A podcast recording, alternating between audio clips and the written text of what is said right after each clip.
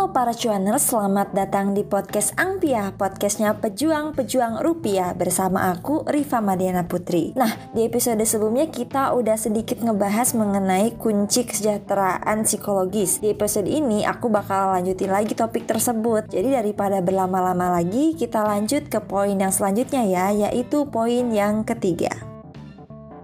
Di poin yang ketiga ada rasa penasaran. Dikatakan bahwa jenis keingintahuan terbaik untuk meningkatkan kesejahteraan lebih dari hanya sekedar tertarik dan terlibat dalam lingkungan kita, tapi juga kita memusatkan perhatian penuh terhadap apa yang dirasakan dan kita pikirkan. Nah, mungkin ada beberapa orang di sini yang udah paham maksud dari mindfulness di mana kita sangat menaruh perhatian penuh terhadap apa yang kita rasakan, apa yang kita alami dan apa yang kita pikirkan di mana kita akhirnya menyadari dan memegang kontrol atas hal tersebut.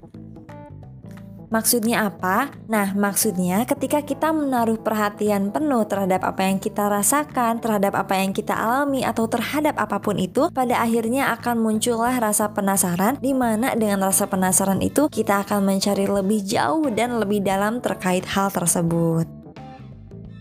Lalu poin yang keempat yaitu terus belajar Di mana seperti yang kita tahu dalam perjalanan hidup kita akan sangat banyak sekali hal-hal yang dapat kita pelajari. Misalnya kita dengan sengaja mengambil kursus pendidikan Atau di masa pandemi ini banyak sekali webinar-webinar terhadap topik yang mungkin sedang kita gemari Atau apa pun itu teman-teman. Dan katanya nih mempelajari keterampilan baru juga dapat meningkatkan rasa efikasi diri loh teman-teman Kemudian di poin yang terakhir ini ada memberi. Memberi merupakan salah satu cara terbaik untuk meningkatkan perasaan sejahtera. Kenapa?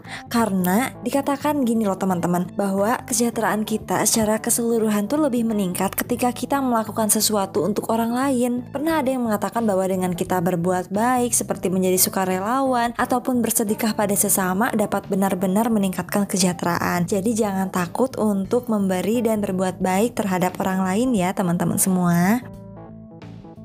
Oke teman-teman, 5 poin kunci menuju kesejahteraan sudah aku paparkan semuanya nih. Jangan lupa untuk menerapkan hal-hal baik yang sudah disampaikan sebelumnya ya. Mungkin cukup segitu aja yang bisa aku sampaikan terkait kesejahteraan psikologis dan cara pengoptimalan kesejahteraan. Sampai jumpa di podcast selanjutnya teman-teman.